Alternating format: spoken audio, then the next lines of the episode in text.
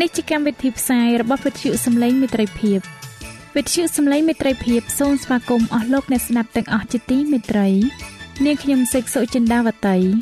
ហើយខ្ញុំបាទអង្ចាន់វិជ្ជៈក៏សូមស្វាគមន៍លោកអ្នកស្ដាប់ទាំងអស់ផងដែរនៅពេលនេះយើងខ្ញុំមានសេចក្តីសុំមនស្សរីករាយដោយបានវិលមកជួបអស់លោកអ្នកនាងកញ្ញាអ្នកស្ដាប់សាជាថ្មីម្ដងទៀត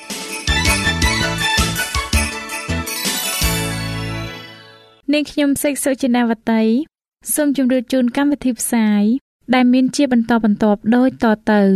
នេតិបទទំនាយនិងប្រវត្តិសាស្ត្រនេតិស្ពានជីវិត ចា៎លោកអ្នកស្ដាប់ជាទីមេត្រី នាងខ្ញុំសូមគោរពអញ្ជើញអស់លោកលោកស្រី អ្នកនាងកញ្ញាតាមដានស្ដាប់កម្មវិធីផ្សាយរបស់វិទ្យុយើងខ្ញុំដូចតទៅ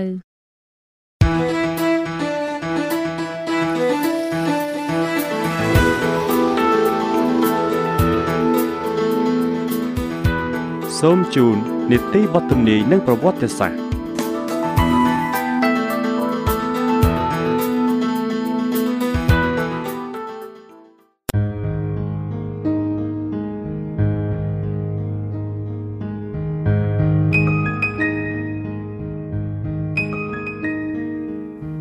ខ្ញុំបាទសូមជម្រាបសួរដល់អស់លោកលោកស្រី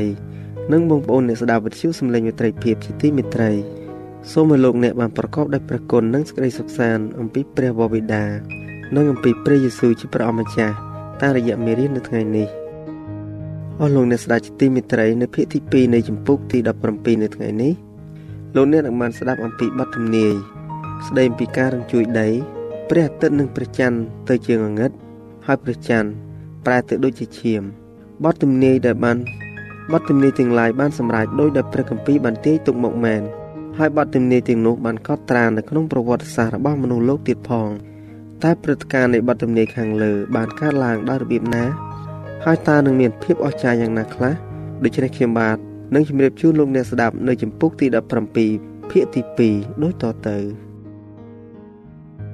បទទំនាយនេះបានសម្រេចនៅក្នុងឆ្នាំ1755ដោយមានការកក្រើកដីដ៏រន្ធត់បំផុតមួយពុំដែលមាននៅក្នុងបញ្ជីប្រវត្តិសាស្ត្រនោះឡើយ។ គឺជាការកក្រើកដីនៅទីក្រុងលីស្បិនដែលរញ្ជួយដល់ទ្វីបអឺរ៉ុបទ្វីបអាហ្វ្រិកនិងទ្វីបអាមេរិកដីកក្រើកនៅប្រទេសគ្រីនឡែនប្រទេសឥណ្ឌាខាងលិច នៅម៉ាឌីរ៉ានៅន័រវេនិងប្រទេសស៊ុយអែតចក្រភពអង់គ្លេសនិងប្រទេសអ៊ីរឡង់ជាការរញ្ជួយមួយដែលលាតសន្ធឹងមិនតិចជាង6លានគីឡូម៉ែត្រឡើយនៅទ្វីបអាហ្វ្រិកការរញ្ជួយដីមានសភាពធ្ងន់ធ្ងរដូចជានៅទ្វីបអឺរ៉ុបដែរ ផ្នែកដ៏ធំមួយនៃប្រទេសអាល់ជាត្រូវវិនាសខូចមហារលកដ៏ធំមួយបានបោកបក់នៅលើឆ្នេរសមុទ្រនៃប្រទេសអេស្ប៉ាញនិងទ្វីបអាហ្វ្រិកត្របាក់លេបទីក្រុងទាំងប៉ុន្មាននោះអស់ទៅភ្នំទាំងឡាយក្នុងចំណោមភ្នំធំធំបំផុតនៅប្រទេសប៉ូឌីកាល់បានញ័ររង្គើដោយគេចាប់អង្រួនពីបាតក្រោមហើយភ្នំខ្លះបានរបើកកំពូលបែកខ្ចាយធ្លាក់ទាំងដុំទាំងដុំចុះទៅក្នុងជ្រលងជ្រោះដោយគេចាប់បោះដូច្នោះ គឺមានទាំងភ្លើងផងដែរឆេះចេញអំពីភ្នំទាំងនោះមកនៅឯទីក្រុងលីស្បិនមានលឺសន្ធឹកដូចជាផ្គរលាន់នៅខាងក្រោមដី មួយរំពេចក្រោយមក ស្រាប់តែមានការរញ្ជួយយ៉ាងខ្លាំងធ្វើឲ្យទីក្រុងមួយផ្នែកធំត្រូវរលំ ក្នុងរយៈកាលប្រហែលជា6នាទីបណ្ដាជួន60000នាក់ត្រូវវិនិច្ឆ័យអន្តរាយមុនដំបូងសមុទ្របាននាចទៅឲ្យរីងស្ងួតរួចទឹកក៏ហូរគំហុកមកវិញ ឡើងដល់ជាង15ម៉ែត្រ ហួសពីកម្ពស់ធម្មតា ការកក្រើកដីនេះបានកើតឡើងនៅថ្ងៃសិលនៅថ្ងៃដែលវិហារទាំងឡាយកំពុងតែជួបជុំដោយមនុស្សម្នា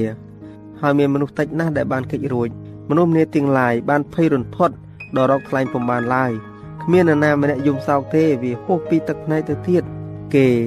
នាំគ្នារត់ស្រម្ដងទៅនេះម្ដងទៅនោះទៀងវង្វេងវង្វាន់ដោយភ័យតក់ស្លុតនិងភ្ញាក់ផ្អើលជាខ្លាំងគេគក់ក្បាលនិងគក់ដើមទ្រូងហើយស្រែកឡើងថា ពិភពលោកដល់ទីបញ្ចប់ហើយពួកម្ដាយម្ដាយភ្លេចកូនខ្លួន ម្នាក់ម្នាក់គិតតែពីអោបក្រសោបរូបសំណាកពីឈើឆ្កាងពេញខ្លួនរត់ចុះរត់ឡើង ជាអកុសល មានច្រើនអ្នកនាំគ្នារត់ទៅរកកន្លែងជ្រកកោននៅក្នុងព្រះវិហារតែវត្ថុស័ក្តិសិទ្ធិដែលតម្កល់នៅទីនោះ បានទៅជាឥតប្រយោជន៍ទាំងអស់សត្វលោកដ៏កំសត់បាននាំគ្នាអោបអាសនាជាអាសាអិតកាទាំងរូបសំណាកទាំងពួកសង្ឃនិងពួកបណ្ដាជន ត្រូវបានកប់ជាមួយគ្នានៅក្នុងគំនរបាក់បែកនោះទៅព្រះអាទិត្យព្រះច័ន្ទនឹងទៅជាងងឹត25ឆ្នាំក្រោយមកទីសង្កលបន្ទាប់ក៏បានកើតឡើងដោយមានចែងនៅក្នុងបទទំនាយព្រះអាទិត្យនិងព្រះច័ន្ទទៅជាងងឹតពេលវេលានៃការសម្រេចនេះបានចង្អុលបង្ហាញយ៉ាងច្បាស់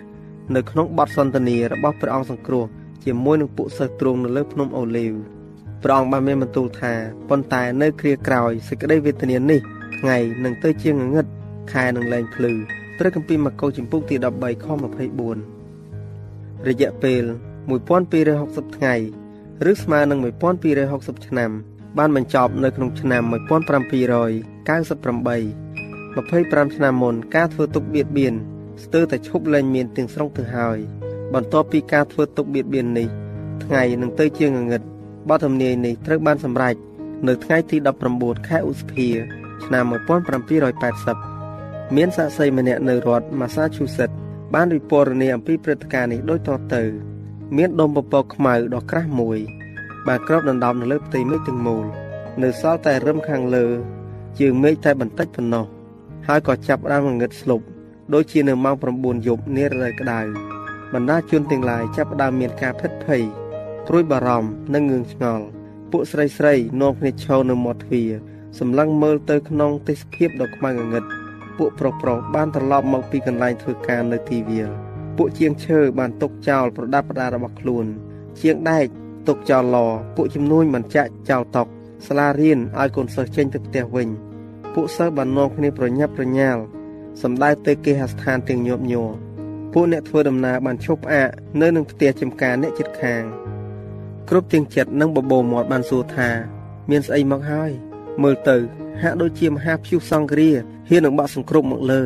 ឬហាក់ដូចជាថ្ងៃនៃទីបញ្ចប់របស់សពសារពើត្រូវបានមកដល់ដូច្នោះទៀននឹងអស់ត្រូវបានដុតឡើងភ្លឺចិញ្ចែងដូចជានៅរាត្រីគ្មានខែរះនារដូវលឹកឈើជ្រុះសត្វបាក់សាបាក់សីនាំគ្នាហៅខ្ញៀវខ្ញាចូលសម្បុកសត្វពីហណៈប្រមោផ្ដុំគ្នានៅទីវាលស្រែកត្រហឹងអើងកងលាយឡំជាមួយនឹងសំឡេងកង្កែបនិងក្អាត់ចាប់យំកញ្ជ្រៀវ តាមទម្លាប់ពេលវេលារបស់ខ្លួនជ្រឹងនឹងប្រជៀវនាំគ្នាហៅខ្វាញ់ខ្វាត់ប៉ុន្តែមនុស្សជាតិគេដឹងថារាត្រីកាលពុំទាន់មកដល់នៅឡើយទេ ក្រុមជំនុំមកជួបជុំគ្នាជាច្រើនកន្លែងខព្រះគម្ពីរសម្រាប់អធិប្បាយដោយព្រៀងទុកហាក់ដូចជាចង្អុលបង្ហាញផ្ទួនផ្ទួន នៅភាពងងឹតដែលស្របទៅនឹងបទទំនាយនៅក្នុងព្រះគម្ពីរភាពងងឹតបានកើតឡើងកាន់តែខ្លាំងឡើងខ្លាំងឡើងបន្ទាប់ពីម៉ោង11ព្រឹកបន្តិច នៅតំបន់ភាគច្រើននៃប្រទេស មានភាពងងឹតយ៉ាងខ្លាំងមនុស្សម្នាពុំអាចមើលឃើញម៉ោងនៅនឹងនាឡិកាឬទទួលទានឬធ្វើកិច្ចការផ្ទះដោយគ្មានពន្លឺទៀនបានឡើយអស់លោកអ្នកស្ដាប់ជាទីមេត្រី ជាបន្តទៀតសូមឲ្យលោកអ្នកស្ដាប់អំពីព្រះច័ន្ទនឹងប្រែទៅជាឈាមវិញម្ដងគ្មានភាពងងឹតនៃរាត្រីកាលដ៏ចម្លែកហើយគួរឲ្យខ្លាចជាងរាត្រីកាលនៅថ្ងៃនោះឡើយថ្មីបើមានព្រះច័ន្ទស្ទើរពេញវងក៏ដោយ ក៏ពុំអាចមើលឃើញរបស់ណាមួយបានឡើយវាលែងតែដោយពន្លឺភ្លើងចង្គៀងឬភ្លើងទៀនហើយនៅពេលដែលមើល ពីផ្ទះអ្នកជិតខាង ឬពីកន្លែងឆ្ងាយឆ្ងាយគេឃើញសុទ្ធតែពន្លឺផ្លុងផ្លុងមិនខុសគ្នាពីភាពងងឹតនៃប្រទេសអេស៊ីបឡើយកាមរស្មីហាក់ដូចជាពុំអាចជ្រៀតចូលទៅក្នុងភាពងងឹតបានទាល់តែសោះប្រសិនបើរាល់តួពន្លឺត្រូវបានស្រោបបាំងដោយមលុបនៃពន្លឺមិនអាចជ្រៀតចូលបាន ឬក៏ត្រូវកម្ចាត់ចេញបាត់អស់ទៅ នោះភាពងងឹតពុំបានដល់សភាពសូន្យស្លង់បែបនេះឡើយបន្ទាប់ពីពាក្យកណ្ដាលអាត្រៀតភាពងងឹតក៏បានរសាត់បាត់ទៅ ហើយព្រះច័ន្ទបានលេចមកឲ្យឃើញ មុនដំបងបង្អស់មានទ្រង់ទ្រាយដូចជាឈាម នៅថ្ងៃទី19ខែឧសភា ឆ្នាំ1780មានកំណត់ត្រានៅក្នុងប្រវត្តិសាស្ត្រថាជាថ្ងៃងងឹតតាំងពីសម័យហោរាម៉ូសេមក ពុំដែលមានភាពងងឹតណា មានសភាពសូន្យស្លង់ហើយមានរយៈពេលយូរបែបនេះឡើយការពិពណ៌នាដោយអ្នកឃើញផ្ទាល់គឺជាការបន្តនៃពាក្យកត់ត្រា តាមហោរាយ៉ូអែលកាលពី2500ឆ្នាំមុនថាព្រះអាទិត្យនឹងប្រែជាងងឹតហើយព្រះច័ន្ទនឹងទៅជាឈាមមុនដែលថ្ងៃដ៏ធំគួរស្ញាញ់ខ្លាចរបស់ព្រះយេហូវ៉ាបានមកដល់ព្រះគម្ពីរយូអែលជំពូកទី2ខ31ព្រះគ្រីស្ទបានមានបន្ទូលថា កាលណាការទាំងនេះចាប់ផ្ដើមកើតមកនោះឲ្យអ្នករាល់គ្នាងើបមើលទៅលើមេឃពីព្រោះសេចក្តីប្រោះលោះរបស់អ្នករាល់គ្នាជិតដល់ហើយទ្រង់មានបន្ទូលពាក្យព្រៀបប្រដូចទៅពួកសិស្សអំពីដានលវាថា កាលណាវាលាស់ឡើង នោះអ្នករាល់គ្នាយល់ឃើញដោយខ្លួនឯងថារដូវក្តៅជិតដល់ហើយ កាលណាអ្នករាល់គ្នាឃើញការទៅនេះកើតមកនោះត្រូវដឹងថានគរព្រះជិតដល់ហើយយ៉ាងដូច្នោះដែរព្រះគម្ពីរលូកាចំពុកទី21ខ28 ខ30និងខ31ប៉ុន្តែនៅក្នុងក្រុមជំនុំសេចក្តីស្រឡាញ់ចំពោះព្រះគ្រីស្ទនិងជំនឿចំពោះដំណើរយាងមកជាលើកទី2របស់ទ្រង់ចេះតែត្រជាក់ទៅត្រជាក់ទៅ អ្នកដែលតាំងខ្លួនថាជាបណ្ដាជួនរបស់ព្រះអង្គពុំបានមើលឃើញសេចក្តីណែនាំរបស់ព្រះអង្គសង្គ្រោះដែលតាក់ទងទៅនឹងទីសម្គាល់នៃដំណើរយាងមករបស់ទ្រង់ទេ គេបានធ្វើប្រហែសនិងគោលលទ្ធិដែលស្ដីអំពីដំណើរយាងមកជាលើកទី2រហូតទាល់តែលែងរវីរវល់ ហើយភ្លេចទាំងស្រុងទៅ ជាពិសេសនៅប្រទេសអាមេរិកតែម្ដង ការជក់ចិត្តតាមរកប្រាក់ការស្វែងរកប្រជាប្រិយភាពនិងអំណាច បានបណ្ដាលឲ្យមនុស្សទុកថ្ងៃដ៏អឡារឹកនៃការយាងមករបស់ព្រះអង្គសង្គ្រោះនៅពេលអនាគតចោលបាត់ទៅព្រះអង្គសង្គ្រោះទ្រង់មានបន្ទូលជាមុន អំពីសភាពនៃការចម្ពប់ដួល ដែលនឹងកើតមានឡើងមុនពេលដែលទ្រង់យាងមកជាលើកទី2ចំពោះអស់អ្នកដែលរស់នៅនៅគ្រានោះមានការប្រមានដាស់តឿនរបស់ព្រះគ្រីស្ទ គឺថាចូលអ្នករាល់គ្នាប្រយ័ត្នខ្លួនក្រែងអ្នករាល់គ្នាកំពុងតែផ្ទុកនៅសេចក្តីវក់និងស៊ីផឹកហើយនឹងសេចក្តីខ្វល់ខ្វាយនៅក្នុងជីវិតនោះលោតែថ្ងៃនោះមកដល់អ្នករាល់គ្នាភ្លាមដូច្នេះចូលចាំយាមចុះហើយអធិដ្ឋានជានិច្ចដើម្បីឲ្យបានរាប់ជាគួរនិងរួចពីការទាំងនេះដែលនឹងត្រូវមកហើយឲ្យបានឈរនៅមុខកូនមនុស្សផង ជាការចាំបាច់ណាស់ដែលមនុស្សត្រូវភ្ញាក់រលឹកឡើងដើម្បីរៀបចំខ្លួនសម្រាប់ព្រឹត្តិការណ៍ដ៏មហាអឡារឹក ដែលបានតាក់ទងទៅនឹងទីបញ្ចប់នៃពេលវេលាដែលទុកឲ្យកែប្រែចិត្ត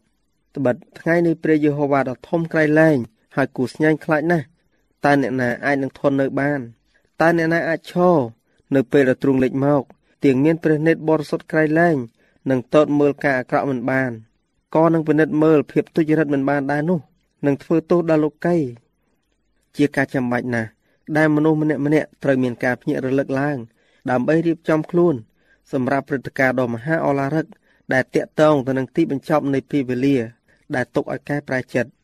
ត្បិតថ្ងៃនៃព្រះយេហូវ៉ាដ៏ធំក្រៃលែងហើយគួរស្ញាញ់ខ្លាចណាស់តែអ្នកណាអាចនឹងធន់នៅបានព្រះគម្ពីរយូអែលចំពុកទី2ខ11តើនរណាអាចឈប់បាន នៅពេលដែលទ្រង់លេចមកទៀងមានព្រះនេតដ៏បរិសុទ្ធក្រៃលែងនិងតតមើលការអាក្រក់មិនបានក៏នឹងពិនិត្យមើល ការទុច្ចរិតមិនបានផងដែរនោះព្រះគម្ពីរហាបាកុកចំពុកទី1ខ13 អញនឹងធ្វើទោសដល់លោកីដោយអំពើអាក្រក់របស់គេព្រមទាំងមនុស្សដែលប្រព្រឹត្តបទអាក្រក់ដោយព្រោះតែអំពើទុច្ចរិតរបស់គេផងអញនឹងបំបត្តិសេចក្តីឆ្មាំងឆ្មៃរបស់ពួកមនុស្សអំនួតហើយនឹងមិនទាបបន្ថោក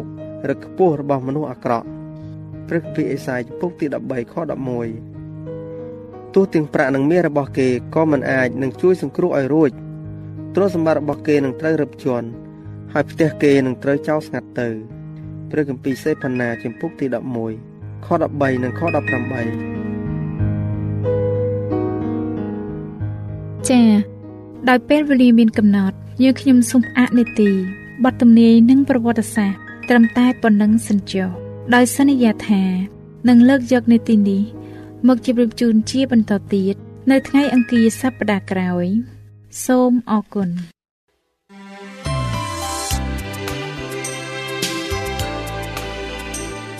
វិទ្យុសំឡេងមេត្រីភាព AWR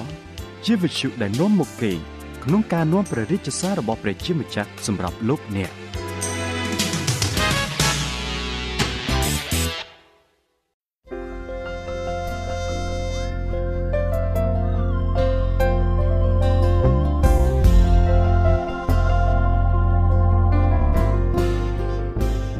ខ្ញុំបាទហងធនហៀបសូមជម្រាបសួរអរអ្នកស្ដាប់ជាទីមេត្រី សូមឲ្យលោកអ្នកបានប្រកបដោយព្រះគុណនិងសេចក្តីសុខសាន្តពីព្រះដ៏ជាព្រះវរបិតានៃយើង ហើយពីព្រះអម្ចាស់យេស៊ូវគ្រីស្ទបាទខ្ញុំបាទមានអំណរណាស់ដែលបានវិលមកជួបលោកអ្នកនាងសាជាថ្មីម្ដងទៀតនៅក្នុងនីតិស្ពានជីវិតតាមការកំណត់ បាទកាលពីភាគ1ខ្ញុំបាទបានជម្រាបជូនលោកអ្នករួចហើយពីទូនីតិសិទ្ធក្តីស្រឡាញ់និងក្តីស្មោះត្រង់រវាងស្វាមី និងភរិយារួចទៅហើយហើយជាបន្តទៅទៀតនេះ ខ្ញុំបាទសូមលើកយកចំណុចមួយទៀតដែលនិយាយពីស្វាមីនិងភរិយាល្អជាពន្លឺនៃសង្គមបាទអាគារទាំងឡាយនៅក្នុងទីក្រុងភ្លឺទៅបាន គឺអាស្រ័យទៅដោយអំពូលភ្លើងអគ្គិសនី តែបើអំពូលទាំងនោះដាច់ហើយអាគារទាំងមូលមុខជាងងឹតសូនសុងជាមិនខានយ៉ាងណាមិញសង្គមជាតិទាំងឡាយដែលកើតឡើងពីគ្រួសារជាច្រើន ដែលមានស្វាមីភរិយាមួយគូមួយគូ ជាអ្នកដឹកនាំគ្រួសារនីមួយៗ បើស្វាមីនិងភរិយាភាកច្រើនខ្វះសេចក្តីសុខសាន្តសង្គមនោះក៏ពិតជាមានការអ៊ូអាប់ដែរដូច្នេះលោកអ្នកជាស្វាមីភរិយាទាំងឡាយអើយការដែលយល់ថារឿងប្តីប្រពន្ធជាបញ្ហាផ្ទៃក្នុងរបស់គ្រួសារអ្នកទេ នោះខុសហើយតាមពិតវាជាបញ្ហានៃសង្គមជាតិទាំងមូលផងដែរ យើងខ្ញុំដឹងថាលោកអ្នកបានដោះស្រាយបញ្ហាលោកអ្នកបានល្អរួចមកហើយដែរតែចំណុចតទៅនេះគឺជាចំណុចល្អល្អមួយចំនួន ដែលលោកអ្នកគួរយកមកប្រើប្រាស់គឺត្រូវឲ្យចេះដោះស្រាយបញ្ហាគ្រួសារលោកអ្នកដោយឆ្លាតវៀងវៃបំផុត ជាពិសេសតាមការពិសោធន៍របស់យើង គឺអនុវត្តទៅតាមព្រះបន្ទូលរបស់ព្រះក្នុងព្រះគម្ពីរ និងយាងព្រះអង្គឲ្យគង់ជាមួយក្រុមគ្រួសារយើងជានិច្ចប្តីប្រពន្ធត្រូវចេះលើកទឹកចិត្តគ្នាទៅវិញទៅមកត្រូវចេះកែលម្អគ្នាទៅវិញទៅមកត្រូវចេះសំទោសនិងអត់ទោសគ្នាទៅវិញទៅមកដោយសេចក្តីស្រឡាញ់ជារៀងរហូត តាមការសង្កេតរបស់យើងខ្ញុំផ្ទាល់ឃើញថាការសំទោសនិងអត់ទោសនេះជាបញ្ហាមួយដ៏ពិបាកបំផុត រហូតមានប្តីប្រពន្ធខ្លះចងចិត្តខឹងគ្នារាប់ខែហើយមិនទាំងនិយាយរកគ្នាផង តើលោកអ្នកធ្លាប់មានឬធ្លាប់ឃើញដូច្នោះឬទេ ហើយបើមានយ៉ាងនេះតើគ្រួសារនោះសប្បាយឬទេពិតជាមានការអាប់អួរជាមិនខាន តែផ្ទុយទៅវិញបើគ្រួសារណាដែលមានព្រះគង់ជាមួយហើយបានដោះស្រាយបញ្ហាតាមការណែនាំរបស់ព្រះគម្ពីរគ្រួសារនោះមិនពិបាកនឹងសុំទោសឬអត់ទោសឲ្យគ្នាទៅវិញទៅមកឡើយព្រះគម្ពីរទីតោសជំពូកទី2ខ3ដល់ខ5បានសម្ដែងថា ឲ្យពួកស្ត្រីចាស់ចាស់បានបែបដូចគ្នាទាំងប្រព្រឹត្តបែបគួរនឹងពួកស្រីបរិសុទ្ធមិនត្រូវនិយាយដើមគេ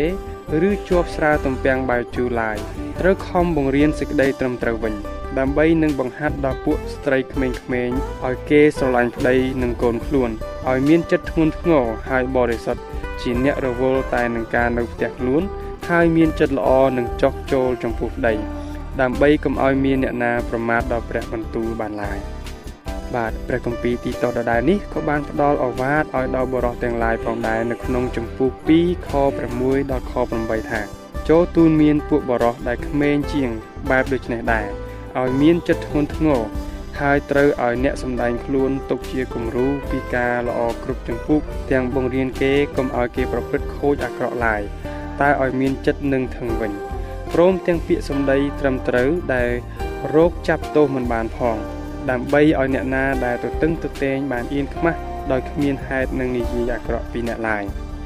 បាទបើគ្រួសារខ្មែរយើងទាំងអស់គ្នាជាគ្រួសារល្អ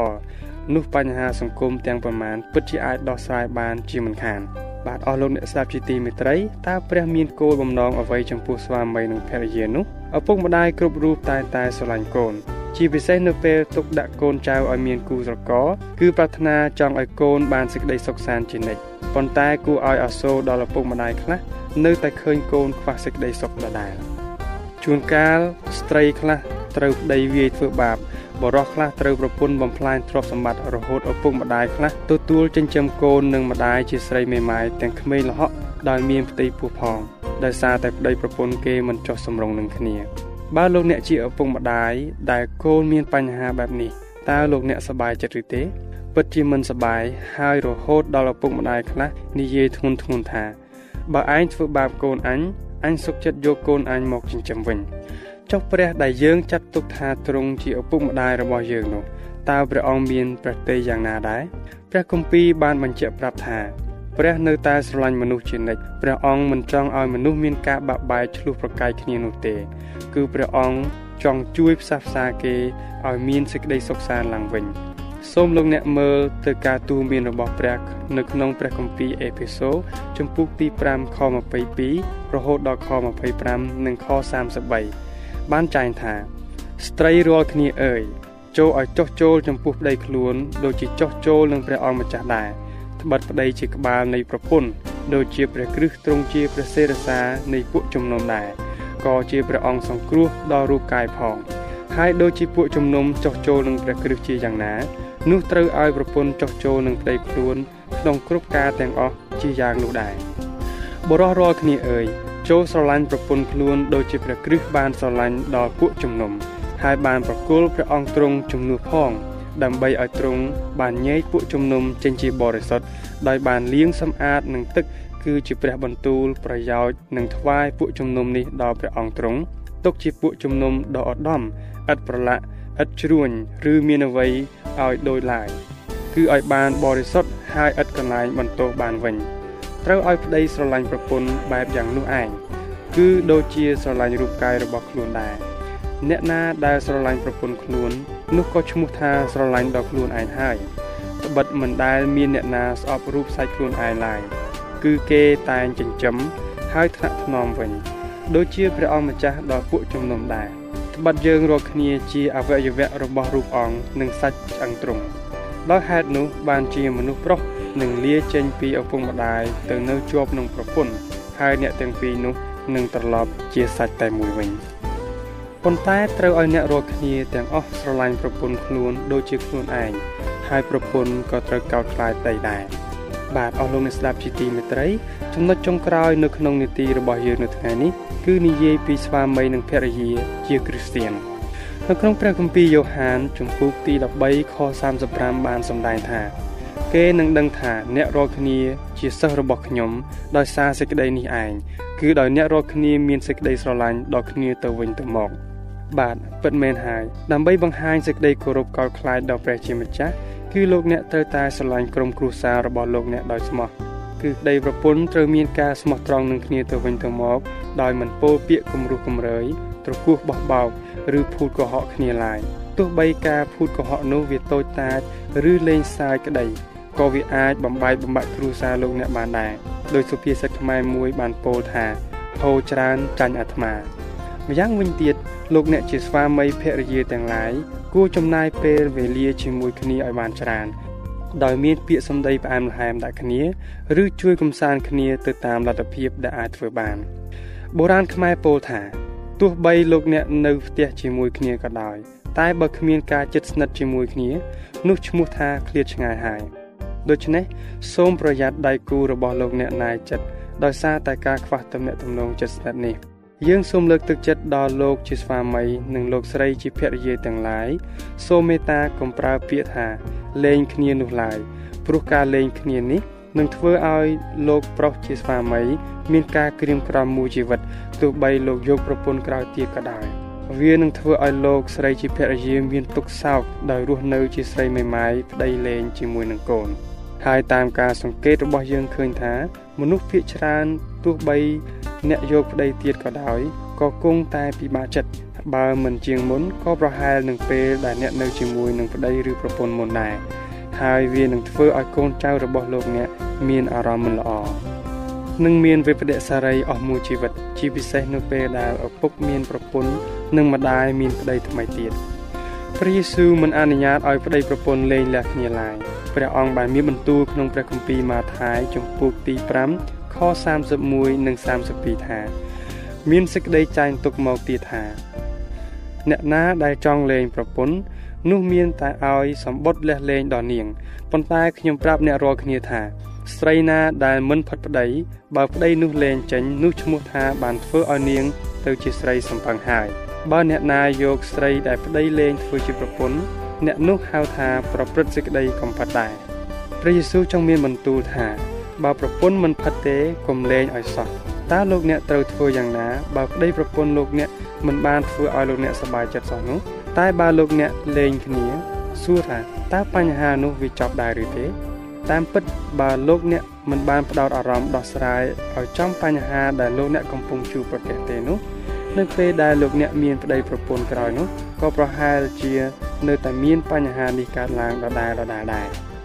បាទមានសុភាសិតអង់គ្លេសមួយពោលថា ស្មៅដែលនៅខាងមុខមើលទៅហាក់ដូចជាខៀវខ្ចីជានិច្ចគឺបើលោកអ្នករោគច្រូតស្មៅឃើញស្មៅដែលនៅចិត្តចិត្តលោកអ្នកហាក់ដូចជាមិនល្អសោះតែមើលទៅខាងមុខវិញឃើញថាខៀវខ្ចីល្អណាស់តែដល់លោកអ្នកទៅដល់ទីនោះស្មៅនៅតែរិចរិចដដែល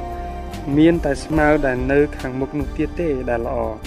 លោកអ្នកដើរមួយថ្ងៃវល់ល្ងាចក៏នៅតែមិនបានស្មៅមួយតងដដែលហើយឃើញថាស្មៅនៅចិត្តមិនល្អ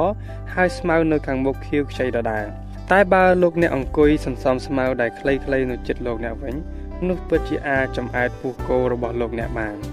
ដូច្នេះសូមលោកអ្នកពិនិត្យមើលបញ្ហាគ្រួសារលោកអ្នកប្រសើរជាងគិតពីការលេងលះគ្នាហើយរោគថ្មីទៀតនៅពេលដែលលោកអ្នកមានការពិបាកចិត្ត សូមថ្វាយកិច្ចការនេះទៅព្រះនិងដោះស្រាយបញ្ហានោះជាមួយគ្នាដោយអហិង្សានិងចេះយល់ចិត្តគ្នាទៅវិញទៅមកបើប្តីចង់ធ្វើយ៉ាងនេះហើយប្រពន្ធចង់ធ្វើយ៉ាងនោះដោយមិនសម្រួលគ្នាទេ បញ្ហានឹងមិនអាចចប់បានឡើយឧទាហរណ៍ប្តីចង់ទទួលទានសម្លម្ជូរហើយប្រពន្ធចង់ទទួលទានសម្លកកូរបើតម្រូវចិត្តប្តីខុសចិត្តប្រពន្ធបើតម្រូវចិត្តប្រពន្ធខុសចិត្តប្តី ដូច្នេះបើប្តីសុកចិត្តបដូរមុខម្ហូបពីសម្លម្ជូរមកញ៉ាំសម្លកកូរវិញ ហើយចាំញ៉ាំសម្លម្ជូរនៅពេលក្រោយ រួចប្រពន្ធក៏សុកចិត្តញ៉ាំសម្លកកូរនៅពេលក្រោយវិញ បើធ្វើដូច្នោះប្តីក៏សប្បាយចិត្តប្រពន្ធក៏សប្បាយចិត្តទីបំផុតប្តីនិងប្រពន្ធត្រូវចេះសរសើរឬលើកទឹកចិត្តគ្នាទៅវិញទៅមក ដូចជាថា អូនស្លឆ្ងាញ់ណាស់ថ្ងៃនេះ ឬបងធ្វើការច្រើនណាស់ថ្ងៃនេះ ឬថាសុំទោស នឹងមិនអីទេ គឺអាចនិយាយបែបនេះដាក់គ្នាជានិច្ចបាទបងប្អូនស្ងួនភ្ញាជាទីស្រឡាញ់ទាំងឡាយព្រះបានស្រឡាញ់លោកអ្នកបានរៀបចំផែនការសម្រាប់គ្រួសារលោកអ្នកឲ្យមានសេចក្តីសុខសាន្តប៉ុន្តែអរិយសាតាំងបានដកសេចក្តីនេះចេញហើយដាក់សេចក្តីមួម៉ៅក្តៅក្រហាយជំនួសវិញតើលោកអ្នកជាស្វាមីចង់ឃើញភរិយាលោកអ្នកជានារីដែលមានប្រាជ្ញានិងស្លូតបូតដែរឬទេ តើបងប្អូនជាភរិយាទាំងឡាយចង់ឃើញស្វាមីបងប្អូន ជាមនុស្សស្លូតបូតមិនឆេវឆាវនិងមានពាក្យសម្ដីទន់ភ្លន់ឬទេតើលោកអ្នកចង់បានគ្រួសារមួយ ដែលមានតែសេចក្តីសុខសាន្តរហូតឬទេសូមលោកអ្នកយាងព្រះយេស៊ូវមកគង់ក្នុងចិត្តអ្នកនិងគ្រួសារអ្នកចុះព្រោះព្រះគម្ពីរវិវរណៈចំពុកទី3ខ20បានចែងថាមើលអញឈរនៅមាត់ទ្វារព្រមទាំងគោះ បើអ្នកណាឮសំឡេងហើយបើកទ្វារឲ្យនោះអញនឹងចូលទៅឯអ្នកនោះអញនឹងបរិភោគជាមួយអ្នកនោះហើយអ្នកនោះជាមួយនឹងអញដែរបាទអស់លោកអ្នកស្ដាប់ជាទីមេត្រីមេរៀនដែលនិយាយអំពីស្វាមីនិងភរិយាក៏សន្មត់ថាចប់ជាបរិបូរហើយហើយពេលវេលានៃនីតិស្ពានជីវិតរបស់យើង បានមកដល់ទីបញ្ចប់ហើយដែរខ្ញុំបាទនឹងវិលមកជួបលោកអ្នកនាងម្ដងទៀតនៅក្នុងនីតិរបស់យើងលើកក្រោយ ហើយនឹងនាំយកមេរៀនថ្មីៗជាច្រើនទៀតមកជូនលោកអ្នកតាមដានស្ដាប់បន្តទៀតបាទដូច្នេះសូមព្រះជាម្ចាស់ប្រទានពរដល់អស់លោកអ្នកបងប្អូនទាំងអស់គ្នាសម្រាប់ពេលនេះខ្ញុំបាទធនហៀបសូមអរគុណនិងសូមជម្រាបលា